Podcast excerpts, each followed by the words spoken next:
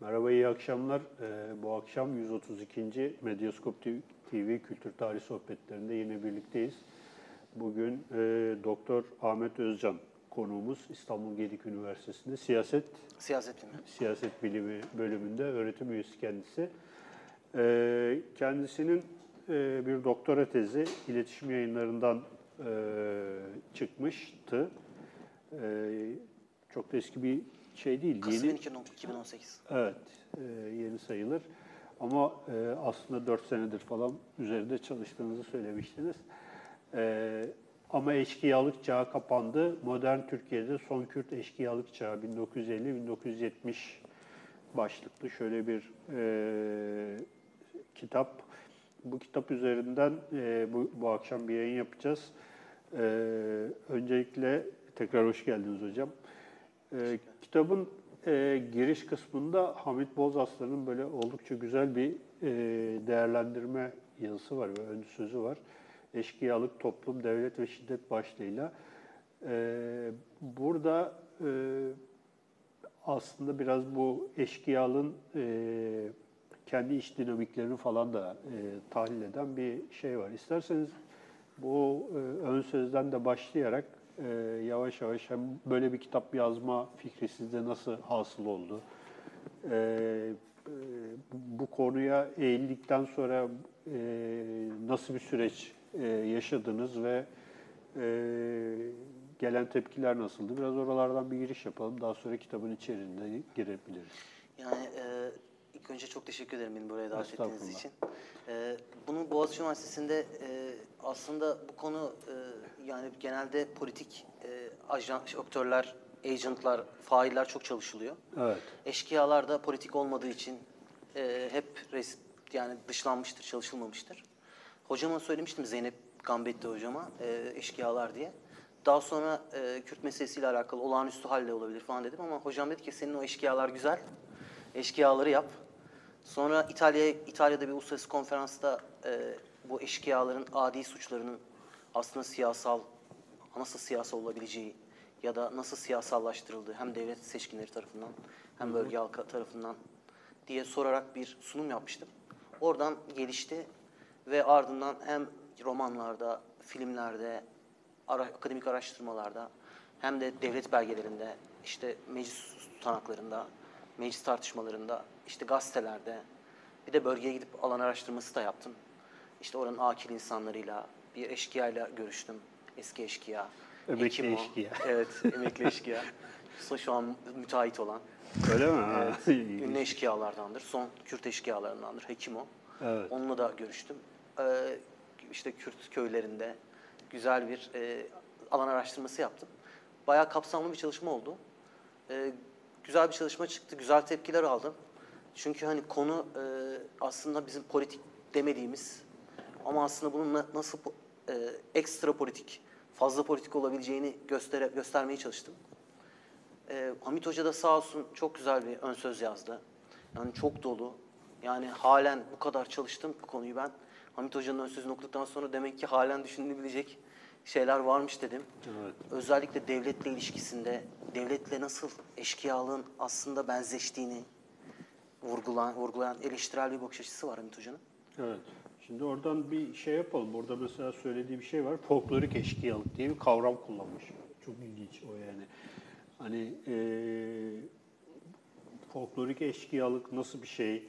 Mesela o şeyden de bahsetmişti. Bu eşkıya grupların içindeki sır kültürü, ondan sonra grup içi dayanışma, bir hiyerarşi vesaire var. Eee, bu e, eşkıyalığın tabii sadece Türkiye'de olan bir şey değil. Bu dünyanın çeşitli coğrafya, işte Robin Hood'dan, Rob Roy'dan, işte Meksika'daki Zapatist e, şeylere kadar dünyanın çok çeşitli şeyleri var. Ama sonuçta herhalde hepsinin kesiştiği bir nokta vardır yani. Tabii. Bir sosyal doku vesaire meselesi vardır. Tabii. Bu yani ülkemizdeki bu folklorik eşkıyalıkla birlikte düşünürsek yani nasıl bir e, açılım getirebiliriz sizce? Yani e, işte tam da Hamit Hoca aslında e, benim çok sevdiğim e, Nietzsche'nin e, perspektifine yakın bir şey geliştiriyor. Yani en başta biz hep e, devletin e, iktidarında rızaya Gramsci anlamda önem veririz. Ama en ilk başta diyor Hamit Hoca bu e, şiddet, şiddetin nasıl e, bu otoritenin kurulmasında kurucu olduğunu söylüyor. Bu anlamda hani eşkıyanın, iktidar sahibinin birbirlerine çok benzediğini söylüyor. E, işte her ikisi de e, üretici olmayan sınıflar ve vergi alıyorlar. Ama birisi zorla alıyor, biri gönüllüce alıyor. E, devlet e, eşkıyaya karşı e, topluluğu korumak üzere bu vergiyi alıyor. Ve topluluğu korumakta bu anlamda bir çıkarı var. Ama topluluk zayıfların örgütlenmesi olmasına rağmen ikisini de iki tehlikeyi de bertaraf etmiş oluyor bu şekilde. Hani bu ilk analiz gerçekten çok değerli e, Hamit Hoca'nın. Daha sonra sizin bahsettiğiniz gibi ama eşkıyanın şöyle bir problemi var. E, her ne kadar içinde sır kültürü de olsa, sır geleneği de olsa, e, kendi hiyerarşik şey örgütlenmesi de olsa e, devletleşemediğini, tam tersine devlet tarafından e, mesela Osmanlı Devleti'nde de e, işte e, modern dev- modern polisin oluşumu Ferdan Ergüt'ün kitabında da söylediği gibi polis örgütü yerine kullanıldığını da görüyoruz. Evet, milis olarak, Milis de bir olarak. çeşit milis olarak Aynen. kullanılıyor. Karen Barkey de bunu da söylüyor. Evet. Yani tehditti Osmanlı'ya ama bunun bu tehditi devlet merkezileşmesi için bir araca dönüştürmeyi başarıyor Evet. bürokratlar. Ya Bu anlamda hani devletin rakibi gibi çıkan şey devletin aracına dönüşüyor. Taşraya e, uzanması, nüfuz etmesi açısından. Evet. Yani böyle bir ters bir anlama geliyor. Tabii burada mit, eşkıya miti bu sefer ne oluyor gibi bir şeye geliyor. Tam da işte bu Kemal Tahir'le Yaşar Kemal'in Hobsbawm'un tartıştığı mesele de aslında bu mit nedir yani bu e, Robin Hood Evet. işte bizim e, Eşkıyalık Köroğlu, miti, Evet. Köroğlu. O zaman ne oldu, ne anlama geliyor gibi tartışmalara gel- geliyor. Biraz onu aslında aç, aç- açsak yani ger bir de yani eşkıyalık miti var ve bunun bir şekilde de üretilmesi var işte Ee, geleneksel olarak hatta modern dönemde de işte ee, Yaşar Kemal tarafından mesela İnce Mehmet üzerinden üretilmesi var ve bir de bunun tam tersinde ee, daha gerçekçi eşkıyalığı biraz daha ee, toplumun ee, kötü etkileyen veya kötü organizasyonu bozan bir e, dış etken olarak değerlendirdi Kemal Tahir'in. Yani o şeyi na- nasıl e, değerlendiriyorsunuz? O işte büyü hem büyü yapma, daha doğrusu mit oluşturma ve diğer tarafta da onu bozmaya çalışma. Bu bu ikisi nasıl değerlendiriyorsunuz? Yani mesela e, Eric Hobsbawm 1969'da yazıyor Eşkıyalar kitabını, sosyal eşkıya teorisini. Yani eşkıyalar aslında Robin Hood acaba gerçek olabilir mi? Çünkü bütün dünyaya bakıyor, hep Robin Hood benzeri hikayeler görüyor. Ve acaba bunda bir gerçeklik payı olabilir mi diye bu sosyal eşkıya teorisini atıyor. Karen Barkey reddediyor. E, Anton Bloch da vardır, bir sürü kişi. Ama bizde aslında yani bizim bu uluslararası alan açılmamamızın acı noktalarından biri bu tartışma 55'te yaşanmış. Yani 1955'te İnce Mehmet yazılmış. 57'de iki yıl sonra e, Kemal Tahir ki edebiyatta inanılmaz bir hız bu. İki yılda cevap vermek. İki yıl içinde Kemal Tahir cevap veriyor rahmet yolları kestiğiyle. Tam bu Hobsbawm e, Barkey tartışması daha onlar o tartışmayı atışmadan Türkiye'de yaşanmış hem de romanlar üzerinden. Tabii bunun Daha öncesi de var yani. Daha öncesi Doktor var yani. Kesinlikle. 1930'larda e, Doktor Hikmet Kıvılcımlı bunu yazmış. Sosyal isyancı demiş, anarşizm demiş, köylünün anarşizm hareketi demiş. 40'larda da Beyce Buran demiş ki hayır. Tam tersi Batı Anadolu'da sosyolojik araştırmalar yapıyor. Toplumsal yapı araştırmaları kitabında. Batı Anadolu'daki köylerin çevrelerinin e, hendeklerle çevrili olduğunu ve bu köylerde köylülerin eşkıyaya karşı savaştığını tespit ediyor. O da Hikmet Kıvılcımlı'yı tersliyor. Yani bizde aslında bu tartışma gerçekten çok eskiye gidiyor. Ama hani bunu dünyaya pek... Çünkü, e, çünkü biz o, bizzat onun içinde yaşamışız yani değil mi? Anadolu'da yani kesinlikle. hem Batı Anadolu'da bir eşkıyalık geneliği var hem Doğu Anadolu'da bir eşkıyalık Balkanlarda geneliği var. Yani Balkanlarda var. Evet, Mesela Balkanlardaki o çok hayduk, ilginç. hayduk deniyor. Haydutun hayduk ve Hobsbawm'un en temel üç tane kategorisinden biridir. Yani Balkan eşkıyası. Evet. Ki onlar daha sonra tarih yazımlarında e, ulusal kahraman olarak Osmanlı'ya karşı mücadele eden ulusal kahramanlar. Ki klepti Yunanca hırsız demek. Klepti ama bunlar kahraman onlar için. Yani bu hırsızlar kahraman oluyor. Çünkü Osmanlı'ya karşı savaşmış oluyorlar. E, bizdeki zeybeklerin yani Kurtuluş Savaşı'ndaki kurgulanması gibi. Evet. Kemal Tahir'in yorgun savaşta tartıştığı mesele. Yani gerçekten bizim bu anlamda toprağımız çok bereketli. Evet. Eşkıyalık meselesinde. Yani dünyanın 1970'lerde 60'larda tartıştığı mevzuyu Top- 30'lardan itibaren Toprağımız bereketli deyince benim aklıma şey geldi abi sözünü kestim. Tabii. Yani e, ilk konuk ettiğimiz Gürkan'ın çalışması da Anadolu'da Roma hakimiyeti. Orada da e, bu konu üzerinden yani Anadolu'nun e, eşkıya üretimi üzerine bir e, işte Toroslarda, Güney e, Anadolu'da düzensizliğin işte eş, yani bugünkü Roma dönemi için şey e, eşkıya terimini kullanacağım ama anakronik olacak ama olsun. E, bunların oluştuğunu söylüyor. Yani bir yandan da baktığımız zaman böyle bir şey var mı? E, yani çünkü siz bunun e, geçmişini de inceliyorsunuz. Böyle bir folklorumuz var mı bizim? Folklor değil de yok Anadolu'nun Anadolu coğrafyasının e, böyle bir yapısal bir sorunu var mı? Yani şimdi ben bir kere kitabın başına dikkat ederseniz burada bir espri var. Ama eşkıyalık çağı kapandı. Şimdi bu normalde bu söylem birçok yere referans vermeye çalışıyorum burada başlıkta da. En temelde Edmund Burke Fransız devrimi karşısında e, Marie Antoinette'i e, işte domatesler atıp e, kendi kraliçelerini şey yapınca şöyle bir e, eskiden diyor Marie Antoinette'e ters bir bakan bir kişi bile olsa kılıçlar kıl, kılıç- kıllarından fışkı fırlardı. Ama artık şövalyelik çağı kapandı der. Ama şövalyelik çağı kapandı ve o kitabında da şey diyor. E, e, şövalyelik bize özgü bir şeydi diyor. Şimdi ben burada aslında biraz e, eğer sizde şövalyelik varsa yani batıda şövalyelik varsa bizde de eşkıyalık vardı, kabadayılık vardı, külhanbeylik vardı.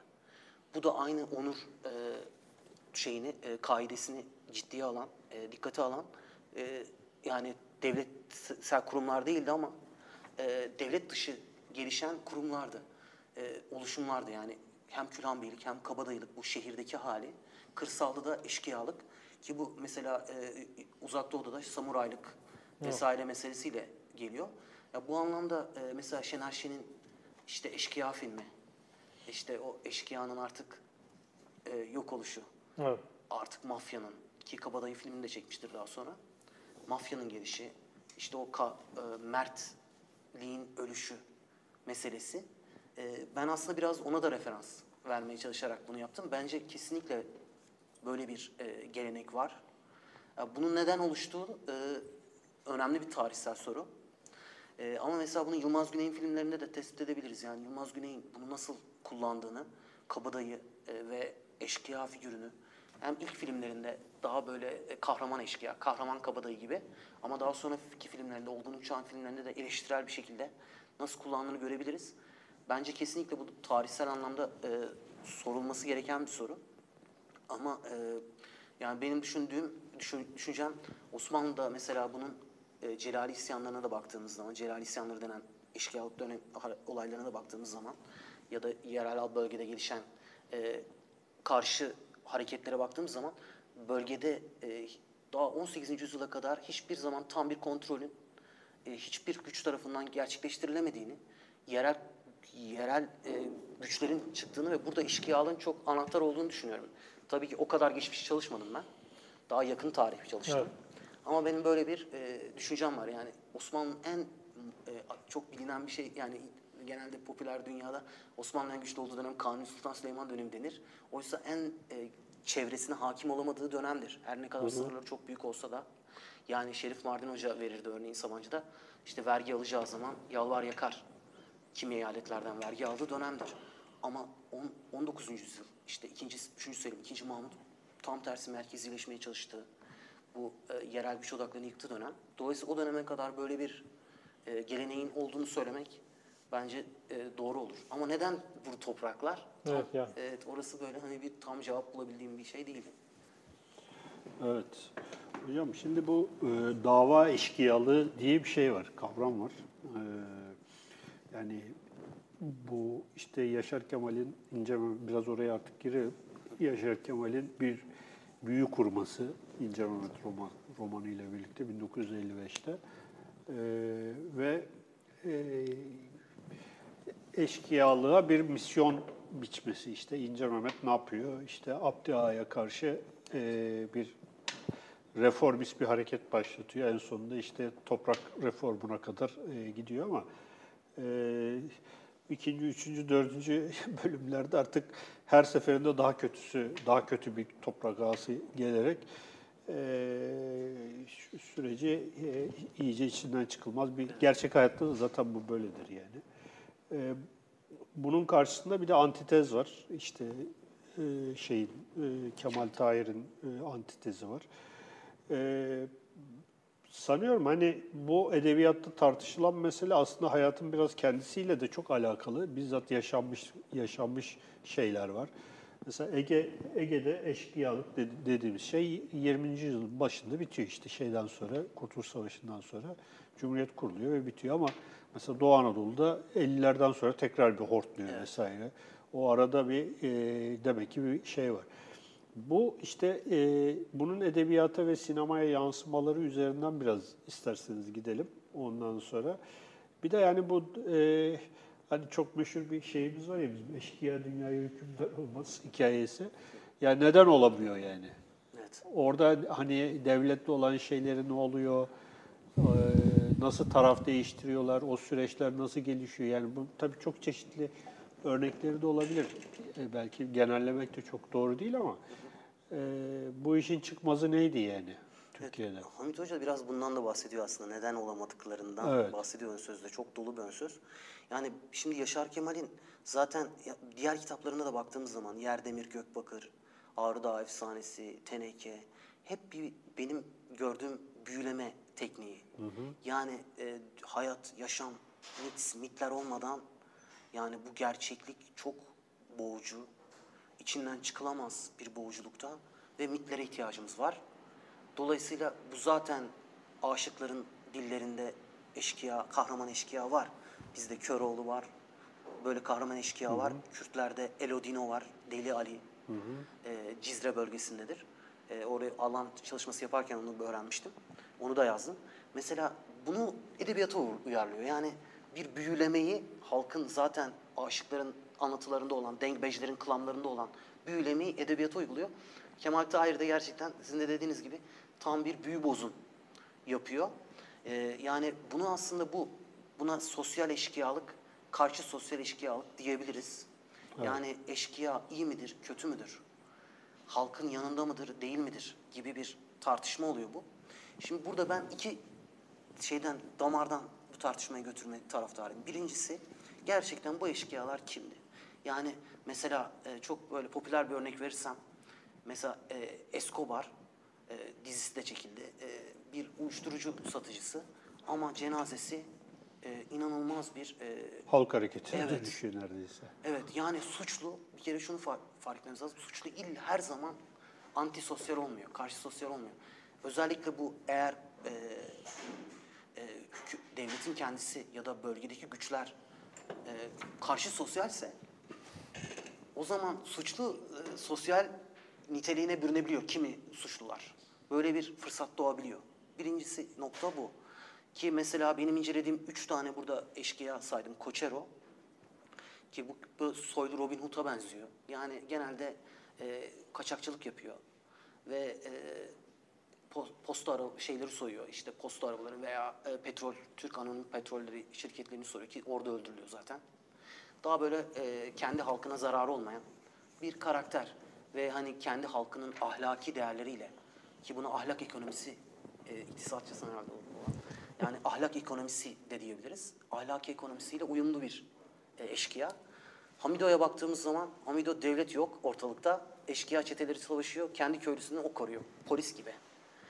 E, şeye baktığımız zaman ki daha sonra korucu olacaktır Hamido. Eşkıyaların bitmesiyle, siyasal eşkıyaların dağa çıkmasıyla ki eşkıya diyeceklerdir yani e, 1980 sonrası süreçte. E, ve şeye de baktığımız zaman Hekimo'ya kan davalarının çözülmesi de aracı rolü, sosyal aracı rolü falan üstleniyor. Yani kimi sos illa eşkıya e, suçlu diye karşı sosyal olmuyor. Bu birincisi. İkincisi de bu mit meselesi. Ben her ne kadar Kemal Tahir'in okumasına hayran olsam da her yönden. Yani Kemal Tahir gerçekten e, tarih biliyor. Gerçekten tarihi çok iyi biliyor. Sanki bir tarihçi e, gibi ki zaten kendisinin söylediği Kurtuluş Kayalı'nın yazdığı şeyde de var.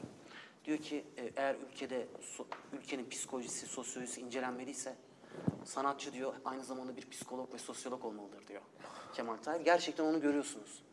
Çok gerçekçi, bilimsel bir dil.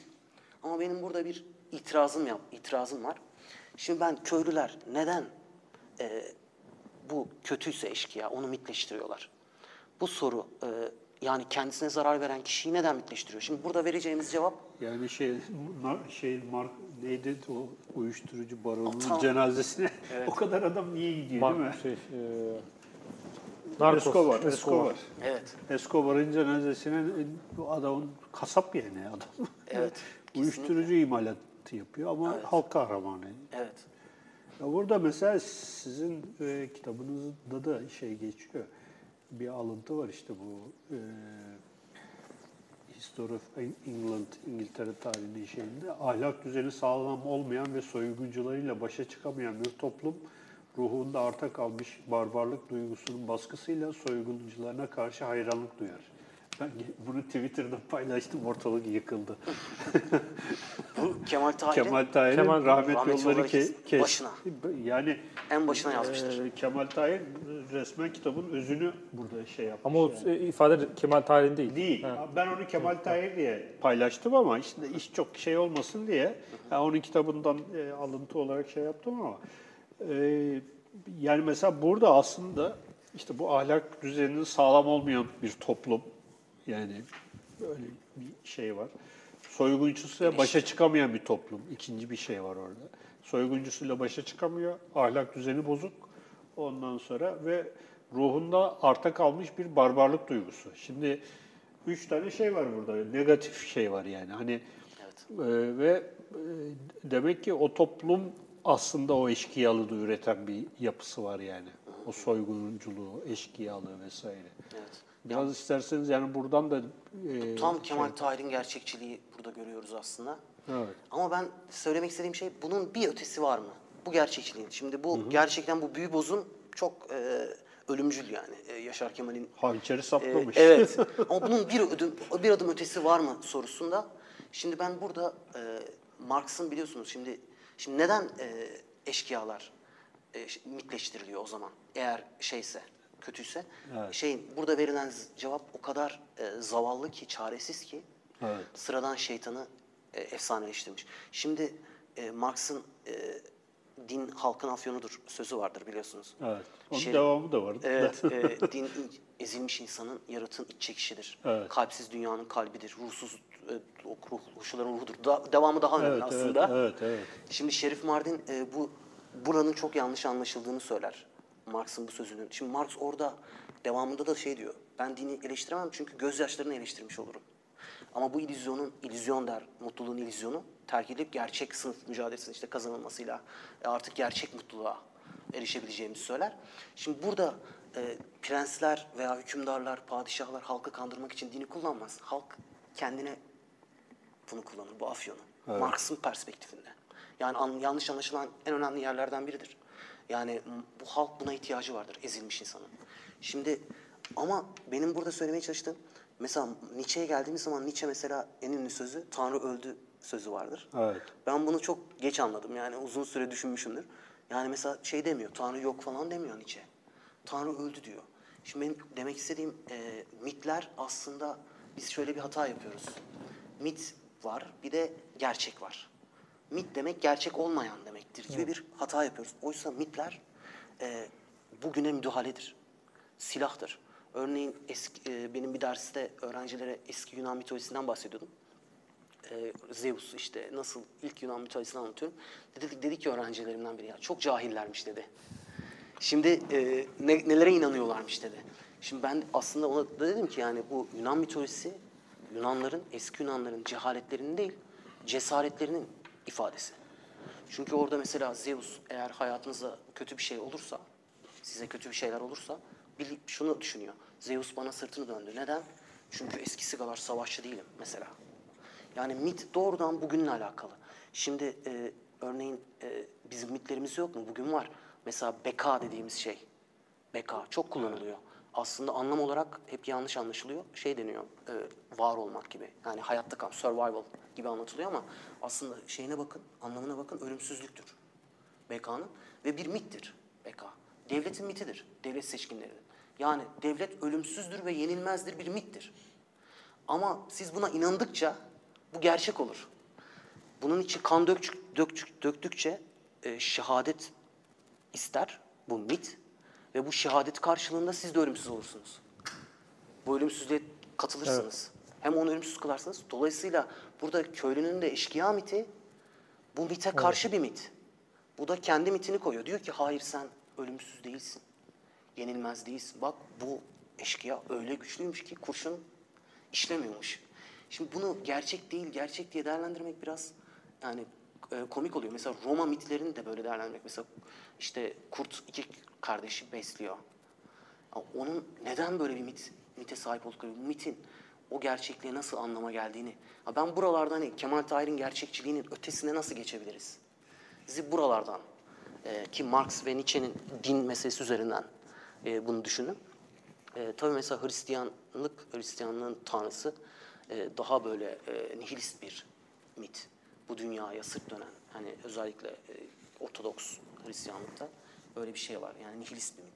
Bu dünya fanidir, boştur gibi. Ama yani demek istediğim mitlerle e, gerçekliği ayırmak e, yaptığımız hatalardan biri. E, eşkıyaların mitleştirilmesi. Mesela Koçero. Ben Koçero'yu inceledim.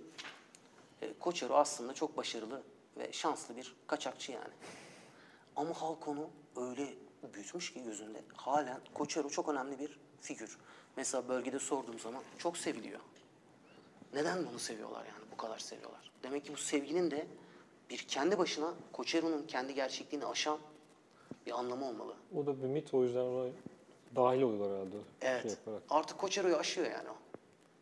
Ki Koçero'nun öldürüldüğündeki fotoğrafını da bu arada hem Hürriyet hem Milliyet hem Cumhuriyet manşetten veriyor ve altına da şey yazıyor. Devlete karşı gelmenin kaçınılmaz sonu. Yani bu bildiğim bir isyancı değil bu.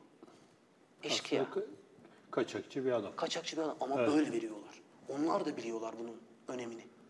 Ya karşılıklı yani. Benim demek istediğim yani acaba Kemal Tahir'in bu gerçekçinin ötesinde bir analiz yani bunu kabul ediyoruz ama bunun ötesinde bir analiz yapabilir miyiz?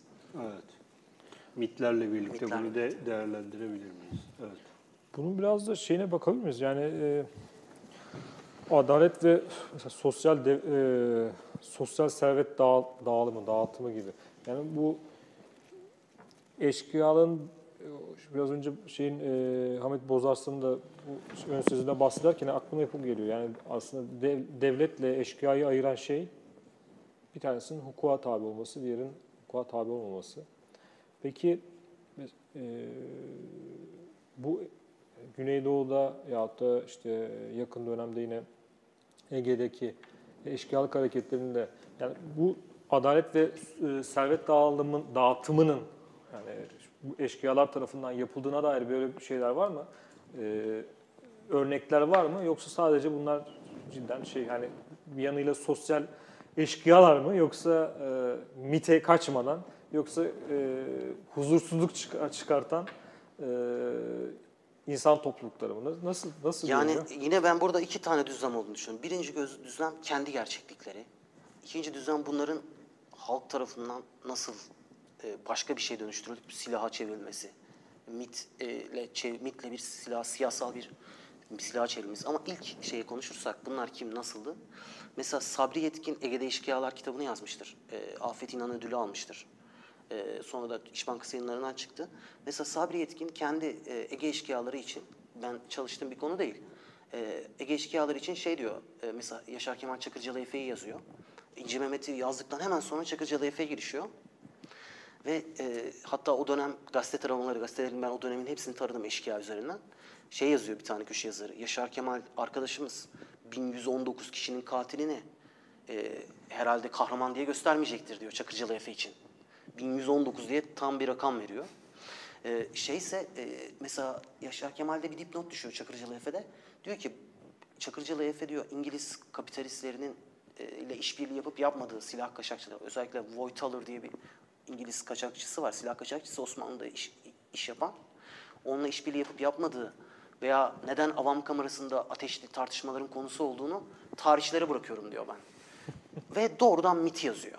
Ve hani doğrudan işte şey diyor, Çakarcalı ağlara dokun, ağlardan hepsi korkardı, mallarını alırdı, fakire dağıtırdı. Bir Robin Hood çiziyor. Şimdi ben böyle olduğunu sanmıyorum. Yani ve ki Sabri Yetkin'in kendi kitabındaki bulguları da her ne kadar kendisi Ege eşkıyaları, e, sosyal eşkıyalığın, Hobsbawm'un bahsettiği sosyal eşkıyanın mükemmel örnekleridir diyor ama bulguları bununla çelişiyor. Yani bu Ege eşkıyalarının, Kemal Tahir örneğin Yorgun Savaşçı'da bahseder. E, yani en önemli özellikleri Ege eşkıyalarının kıyıcı olmaları. Çok kıyıcılar. Kemal Tahir bunun üstüne vurgulayarak söyler. Yani mesela bir köyü tamamen hepsini yakma gibi çok kıyıcı özellikleri var. Yani e, veya kimi ağlarla... Beyce Boran'ın hendeklerinin bir sebebi varmış yani. Evet yani ağlarla, kimi ağlarla ilişkileri de ki Halil Dural Sabri Yetkin kitabının basılmasını sağlıyor. Bir lise öğretmenidir ama çok değerli bir eşkıyalık çalışması yapmıştır Ege eşkıyaları. Ee, mesela onda da aynı sonuç var. Yani Ege eşkıyalarının ağlarla işbirliği yaptığı vesaire. Dolayısıyla peki bu bunu ne yapacağız? Şimdi Atatürk kendine sarı zeybek diyor bir süre sonra. Bunu ne yapacağız? Şimdi ben bunu şöyle tanım, tanımlıyorum. Ege eşkıyalarını bir e, kurtuluş mücadelesinde işe yaradılar. Ki zaten devlet belgelerinde ben şeyi de gördüm. Mesela eşkıyalıktan hapiste yatıyor. Vatana hizmet yapacağı için suçu affediliyor. Bu var. Hem de bu artık bir geleneğe dönüşmüş e, Kurtuluş Savaşı'nda. Çünkü o kadar çaresiz ki e, eşkıyaları e, cepheye gönderme bu kesinlikle yapılıyor. Eşkıyalardan yararlanılıyor. E, bu var ama e, daha sonra eşkıyalar, Ege de dediğiniz gibi bir süre sonra biteceği için artık aynı Yunanların yaptığı gibi davası olan eşkıyalar olarak ki e, e, Yunan eşkıyaları da e, kahramanlaştırılmıştır. Bizde de e, tarih yazımında ulusal kahramana çevriliyor e, eşkı, Ege eşkıyaları. Ha, Kürt eşkıyaları bir dışlanıyor yani. E, genelde e, iki Urfalı Nazif var, o var. E, yine e, Gaziantep'te Karayılan, e, bunlar hariç e, genelde e, Kürt eşkıyalı konuşulmuyor. 50'lerden sonra da Kürt eşkıyalı çıkınca ben bu başlığı bir de o anlamda koydum. Mesela bir köşe yazarı diyor ki ya diyor bu eşkıyalar diyor hiç bizim o Ege eşkıyaları gibi değil diyor. Şövalyelik yok diyor artık. O eski mertlik yok diyor. Mertlik bitti diyor. Onun için o başlığı oraya da referans Bu yaptım. Hani- arada Ege, Ege eşkıyası da 1119 kişiyi kesmiş yani. Evet, Hani- Çakırcalı Efe. Çakırcalı. Yani şimdi ben bunu duyunca bir şey oldum yani.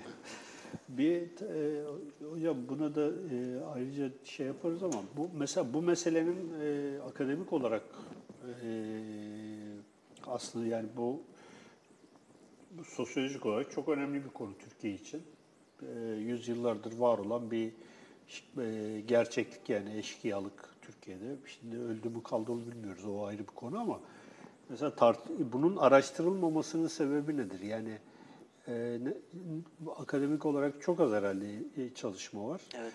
E, nedir bunun sebebi? Yani ben bunun politik politikayı anlayışımızdaki problem olduğunu düşünüyorum. Yani biz politik kelimesini e, sadece işte ideoloji veya bir örgütlenme üzerinden düşünüyoruz. Politikanın başka türlü e, ifadelerini mesela bireysel, kendiliğinden, suç üzerinden veya e, bu, bu tür ifadelerini göremiyoruz. Yani her şey politikadır aslında.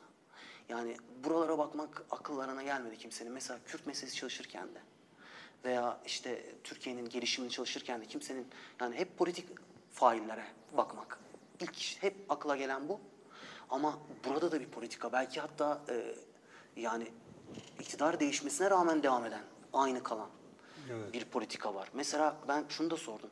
Neden Türkiye Cumhuriyeti Devleti söyleminde e, her 1980'lerin e, 70 aslında 70'lerin yarısının ortasında gerçekleşiyor bu. Bunu devlet şey gazete taramalarından tespit edebiliyoruz. 70'lerin ortasına kadar neden bütün suçlara eşkıyalık dedi. Adi veya siyasi bütün suçlara eşkıyalık diyor. Kürt isyancılarına eşkıyalık diyor. Ee, şey Said'e, e, Ağrı'ya bunlara eşkıyalık diyor.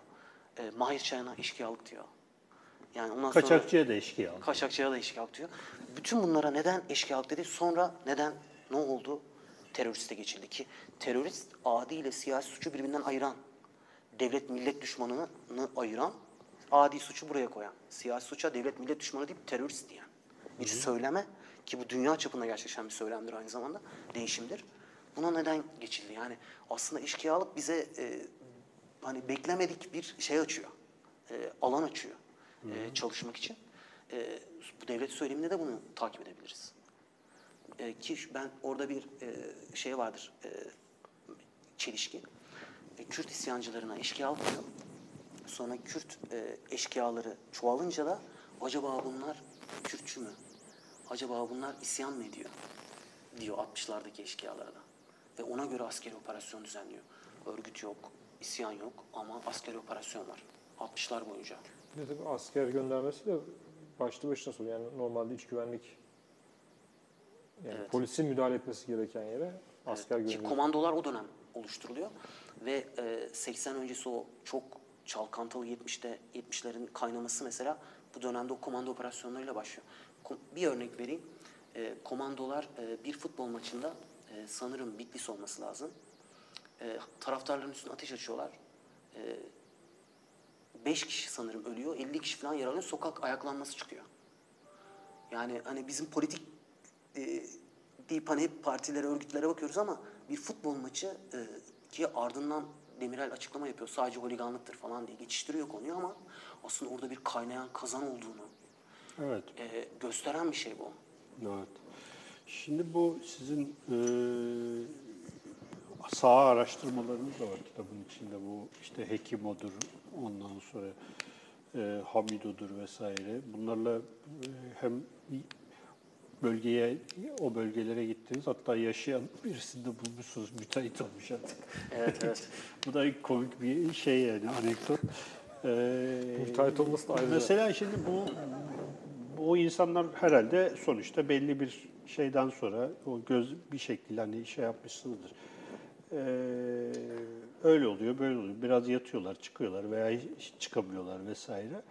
Ama sonuçta herhalde geçmişle bir muhasebeleri falan filan vardır. Mesela size böyle bir şeyler anlattılar mı? Yaşayanlar en azından. Yani- Yani, biz şu- şurada şöyle yaptık, şurada böyle hata yaptık. Yani mesela Böyle bir e, falan oldu mu? görüştüğümde onun o geçmişiyle gurur duyuyor. E, e, bunu zaten e, Hürriyet Gazetesi de röportaj yapmaya çalışmış. Ünlü bir onlar baya- bir de şeye çevirmişler hani bir aşk hikayesi ki gerçekten bir aşk hikayesi de var daha çıkmasında. E, ki bu benim e, son bölüme bakarsanız bu eşkıyaların neden dağa çıktı sorusunu ben bir çünkü neden 50'lerden sonra bu Kürt eşkıyalığı çıkıyor? Şimdi baktığımız zaman birincisi ya namus cinayeti işlediği için dağa çıkıyor. E, namus cinayeti zaten bölgede bir e, şey, e, ahlaki kaide. Ya kan davası var, bundan dağa çıkıyor. Ya, e, yani temelde kültürel e, bir anlamı da var. Evet. Ve devletin e, yasası bölgeye nüfuz ettikçe bu suça dönüşüyor. Ve artık dağlarda dolanmaya ki zaten Kürtçe'de eşkıya demiyorlar. Mehkum diyorlar. Mehkum kimdir dedim ben bölgede mesela şey gittim Cizre, Nusaybin, Mardin, Diyarbakır, Gercüş, Hasankeyf buralardaydım ben. E, nedir mehkum dediğim zaman? Dediler ki e, neçardır. Yani çaresizdir. E, mecburdur ki Yaşar Kemal'e dikkat edin hep mecbur kelimesini kullanır.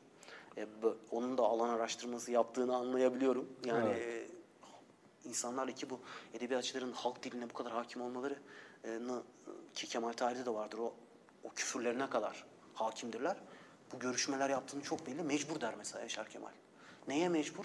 Dağlarda dolanmaya mecbur. İnce Mehmet için. Evet. Niye? Bir haksızlık olmuş. Namus cinayeti bir. Mesela Koçero karısına e, bir ağaoğlunun sarkıntılık ettiği söyleniyor. Onu vurarak öldürüyor. Bundan dolayı daha çıkıyor Koçero. Ondan sonra kaçakçılık yapıyor. Ha neden bir anda bu çoğaldı? Çünkü e, 50'lerden sonra e, bölgede inanılmaz bir sosyoekonomik e, ve siyasal hukuki bir dönüşüm var. E, kentleşme var, tarımda makineleşme var, topraksız köylülük ortaya çıkıyor. E, büyük toprak ağalığı ortaya çıkıyor. Demokrat Parti'nin bu e, işte Amerika'dan aldığı yardımlar, tarımda makineleşme, topraksız köylerin önünde. Topraksız köyler ya mevsimlik işçi oluyor, ya kentlere gidip amele oluyorlar ya da e, üçüncü bir seçenek var. Eşkıya alıyorlar evet. Yani dağa çıkma hani diyorlar ya Kürtler neden dağa çıktı? Yani aslında dağda hep birileri varmış. Evet. Sadece değişmiş yani. E, adi eşkıyadan siyasi eşkıyaya gibi. Evet. Devletin dilinden söylüyorum.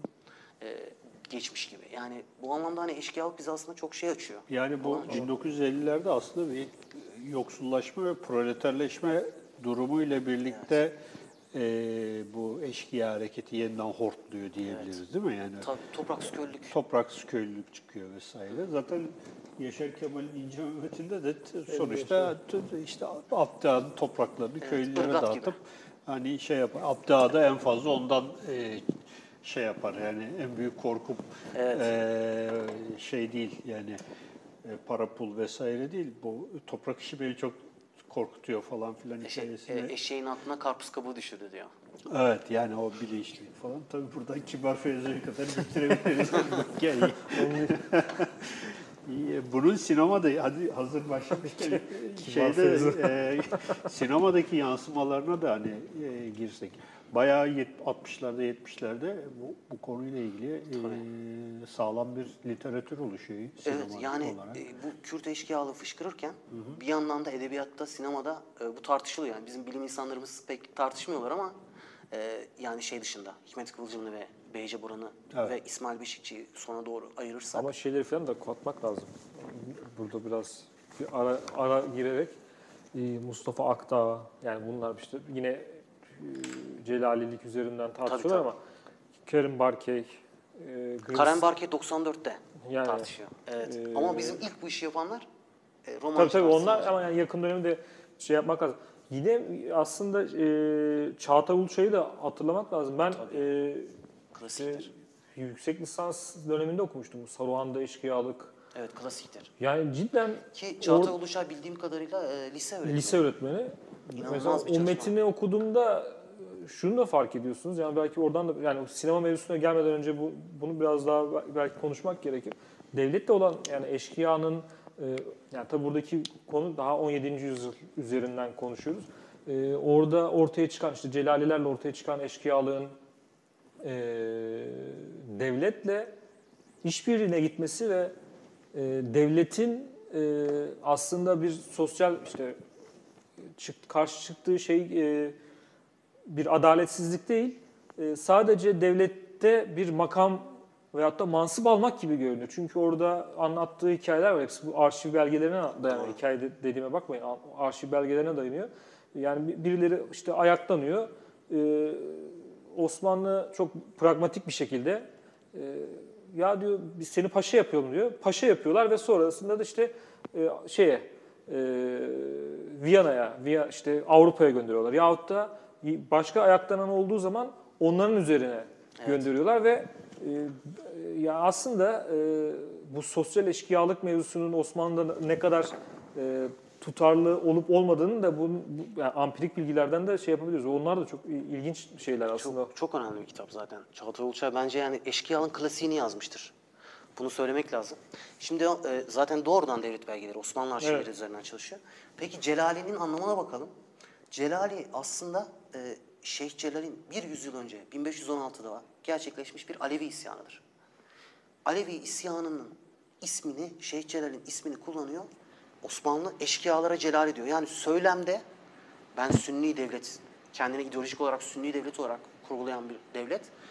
Benim en büyük düşmanım diyor söylemde. Ama e, pratikte başı çıkışı e, çok daha pragmatik. E, kimi yerde çatışıyor ama kimi yerde işte paşalık veriyor, makam veriyor. Onları tam tersi silah, kendi devletin merkezleşmesi aracına dönüştürüyor. Tam bu Karen Barkey'in Evet. tezi. Ama, ama ben de şunu şöyle bir şey var. Bizde eşkıyanın kökenine bakalım. Eşkıya kelimesinin. Arapça şaki diyordum ben. Bir e, söyleşide e, bir abimiz dedi ki Ahmet o şaki denmez şakidir diye okunur dedi. Herkes yanlış okuyor dedi. Şakidir dedi. Eşkıyalar demek onun için anlatım bozukluğu oluyor. Şakinin çoğulu oluyor eşkıya. Şakinin kökenine baktığımız zaman bedbaht diyor. Yani bahtsız, kötü bahtlı demek. Şimdi neden eşkıya kötü bahtlı e, diye bir soru aslında geliyor. Yani ilk kökene indiğimiz zaman ki bu e, çok ilginç bir şekilde Hobsbawm da bunu fark etmiştir. Bandito, bandit, eşkıya İngilizce, e, İtalyanca bandito kelimesinden geldiğini söylüyor Hobsbawm. O da band yani sürülen kişi demek.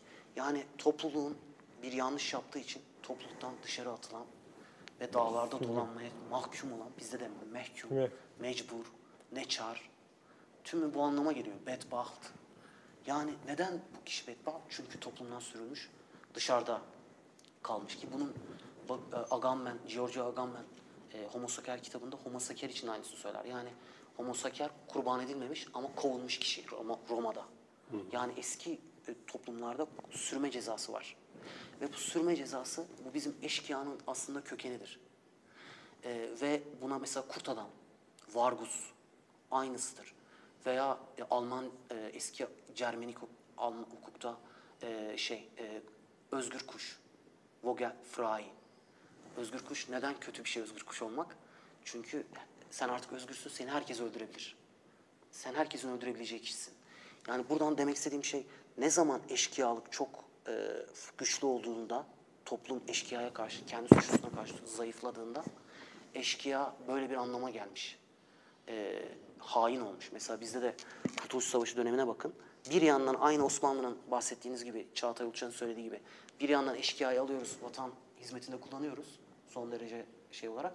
Bir yandan da eşkıyayı 1923'te İzale ve Şekavet Kanunu çıkarılıyor ki Cumhuriyet'in ilanından hemen önce e, şey e, eşkıya suç olmak, öldürmek suç olmaktan çıkarılıyor. Artık öldürebilirsiniz eşkıyayı. E, ki ondan önce vatana ihaneti vataniye kanununda da aslında hedef doğrudan eşkıyalarla asker kaçaklarıdır. Yani o kadar çok asker kaçağı, o kadar çok eşkıya var ki bu eşkıya eski anlamına geri dönmüş. Burada Celali de o kadar çok e, 17. yüzyılda patlıyor ki bu eşkıyalık. Diyor ki bu diyor Alevidir. Yani benim en büyük düşmandır. Bu Alevi isyanıdır. Söylem olarak Celali diyor. Aslında hiçbir alakası yok. E, bir yüzyıl önce gerçekleşmiş bir isyan o Şeyh Celal'in. İsimden yani söylem olarak böyle en büyük düşman diyor. Çünkü o kadar zayıf.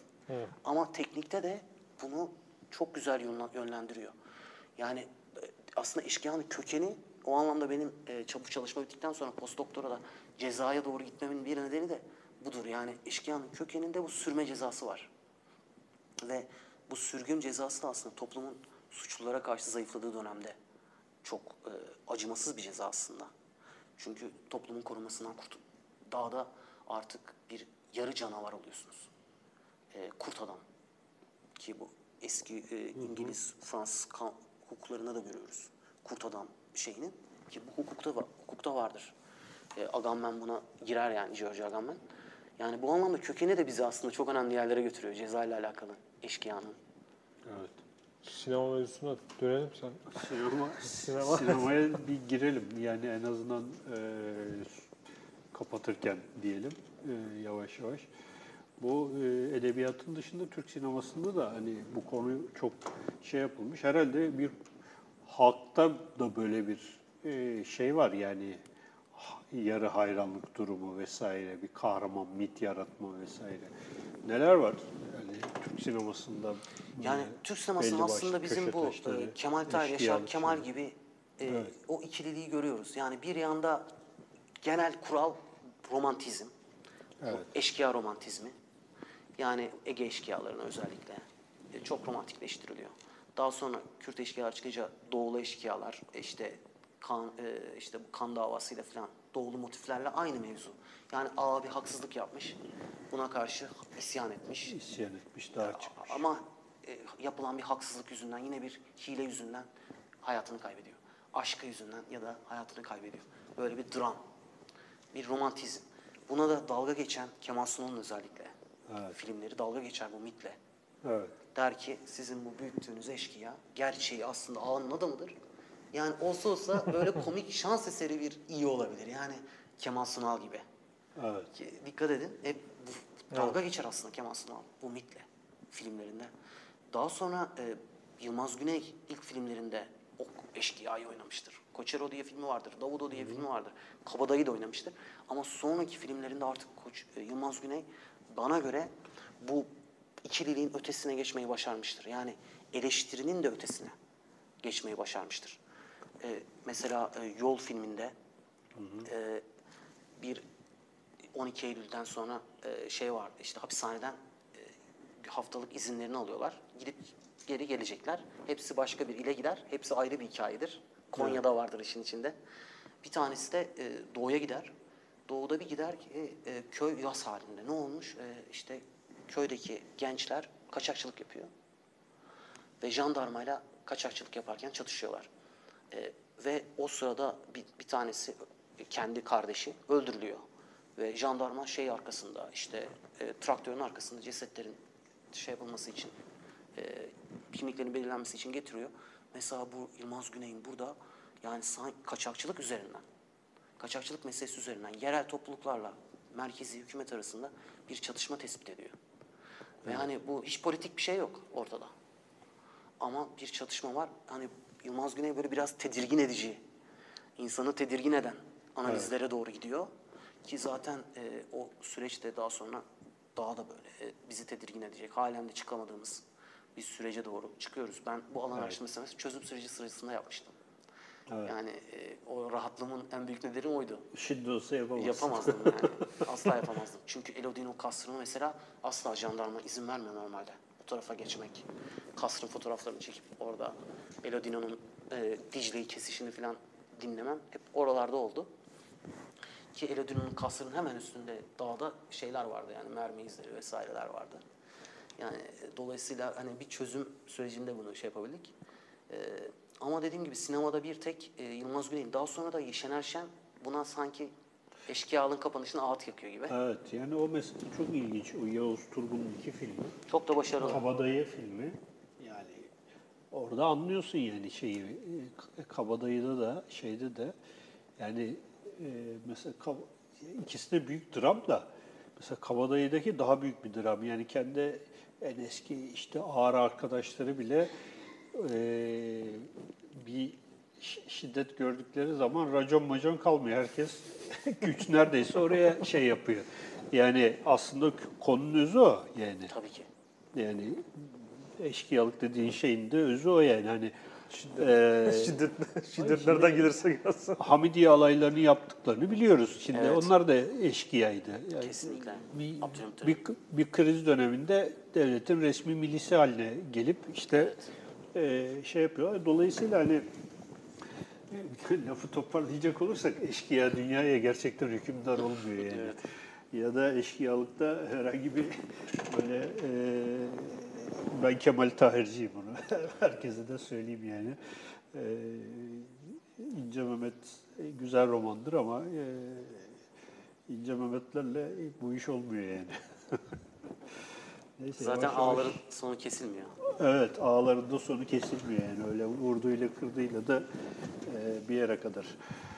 Hocam e, güzel bir sohbet oldu yaklaşık bir saate yaklaştık. E, son olarak söylemek istediğiniz, bundan sonra yapmak istediğiniz çalışmalar nedir? Ondan sonra bu alanla ilgili çalışma yapmak isteyen veya işte bu alanlara ilgi duymak duyan insanlara ne tavsiye edersiniz? E, son cümleleri de alalım. Yani ben eşkıyalığın mesela gerçekten halen çok boşluk olduğunu düşünüyorum bu alanda. Evet. Ee, bu alanın çok açık olduğunu düşünüyorum eşkıyalığın çalışılmasının ki e, erken cumhuriyet dönemi asker kaçaklığı da böyle. Yani biz hep siyasi yönüne bakıyoruz, hep siyaset diyoruz. Buradaki siyaseti kaçırıyoruz. Burada başka bir siyaset var. Daha üst bir siyaset var belki. Buna gitmek lazım. Ee, mesela e, İstiklal Mahkemelerinin e, ikinci döneminin evet e, siyasi idamları var. Ama ilk döneminde asker kaçaklığı ve eşkıya idamları da var. Hiç çalışılmamış. Doğru düzgün çalışılmamış. Yani e, Ergün Aybars'ın kitabı var. E, Klasiktir ama benim de mesela şu an çalıştığım beni bu çalışma şeye götürdü. e, Cezaya götürdü. Size de bahsetmiştim. Ya ben de mesela şu anda e, Türkiye'de ceza tekniklerinin suçludan ceza yani Dostoyevski'nin suç ve cezası e, aslında e, tam bir ikilem bir oldu benim için. Bir yanda suç, bir yanda ceza. Bu benim bunun ekstra politik olduğunu düşünüyorum. Cezanın özellikle. Mesela Türkiye'de şu anda odaklanmaya çalıştığım şey Türkiye'de ölüm cezasının tarihi ki bu istiklal mahkemeleri de dahil buna. Mesela bizde çok küçük bir anekdot olarak bunu söyleyeyim. Bizde hep batı üzerinden ülkemizi okuma özelliği var. Sol sağ kavramlarını da bu anlamda Şerif Mardin'i çok eleştirmiştir. Merkez çevreyi getirmeye çalışmıştır. Sonra işe yaramamıştır. Yani değişmiştir falan demiştir ama mesela e, Osman yani bizde politika dediğimiz kelime polisten gelir. Siyasete katılmak, kamu işlerine katılmaktır eski Yunan'da, Yunan, Batı'da. Ama bizde siyaset köken olarak idam demek. Evet. Siyaseten Siyasi- katil ki Ahmet Mumcu böyle bir doktora tezi yazdı e, Osmanlı'da idam diye ölüm cezası. Bizde idam demek mesela bu farkı bile Siyaset Daha- edilmesi diye geçiyor şeyler. Siyaset Evet. meydanı diyorlar ya. Evet. Siyaset Evet. meydanı aslında İdam- idam, meydanı anlamda. yani. Evet. yani. Yani biz bu farkı bile daha yani tartışmıyoruz. Ya bu anlamda ben suçun, cezanın asıl odaklanmamız gereken alanlar olduğunu düşünüyorum. Ee, Evet. buraların ekstra politik olduğunu düşünüyorum. Evet. Hocam çok teşekkür ediyoruz. Ben teşekkür ederim. Bugün Rica böyle e, epey politik bir konu konuştuk bir yandan da. E, ama e, gerçekten yani bu e, bu alanda işte Doktor Hikmet'in başlatıp Beyce Bora'nın devam edip daha sonra e, kısmen belki İsmail Beşikçi ile e, devam eden bir sosyolojik gelenek var aslında. Bir şey var. Bunun romanda da yansımaları var. İşte Kemal Tahir, Yaşar Kemal sinemada yansımaları var. Aslında bu e, üzerinde daha çok fazla düşünülmesi gereken bir konu. Biraz da böyle siyasi bariyerlere takılmadan e, oturup böyle bilimsel olarak bu nedir bizim toplum bu meseleyi işte Gürkan Ergin'in anlattığı Roma'dan beri e, Evet. e, Roma devrinden beri Anadolu'da var olan bu e, eşkıyalık, dağa çıkma geleneği vesaire. E, bunlar üzerine herhalde epey bir artık e, düşünmek ve şey yapmak gerekiyor. E, katıldığınız için e, çok teşekkür ediyorum. Ben çok teşekkür ederim beni davet ettiğiniz için. Ee, şans 132. tanıdığınız için. yayınımızı e, burada bitirelim artık. Önümüzdeki hafta 133. yayınımızda Rafael Carpenter Hoca evet, gelecek. Rafael Carpintero e, İspanyolca'da, İspanya'da Türk Edebiyatı'nı konuşacağız bakın. evet, Cervantes Enstitüsü'nün müdürü kendisi. Haftaya e, böyle güzel bir konuğumuz daha olacak. Bizi izlediğiniz için hepinize teşekkür ediyoruz. YouTube kanalımız Kültür Tarihini ve Patreon hesabımız gene Kültür Tarihini e, desteklemenizi bekliyoruz. Abone olun vesaire. Hepinize iyi akşamlar diliyoruz. İyi akşamlar.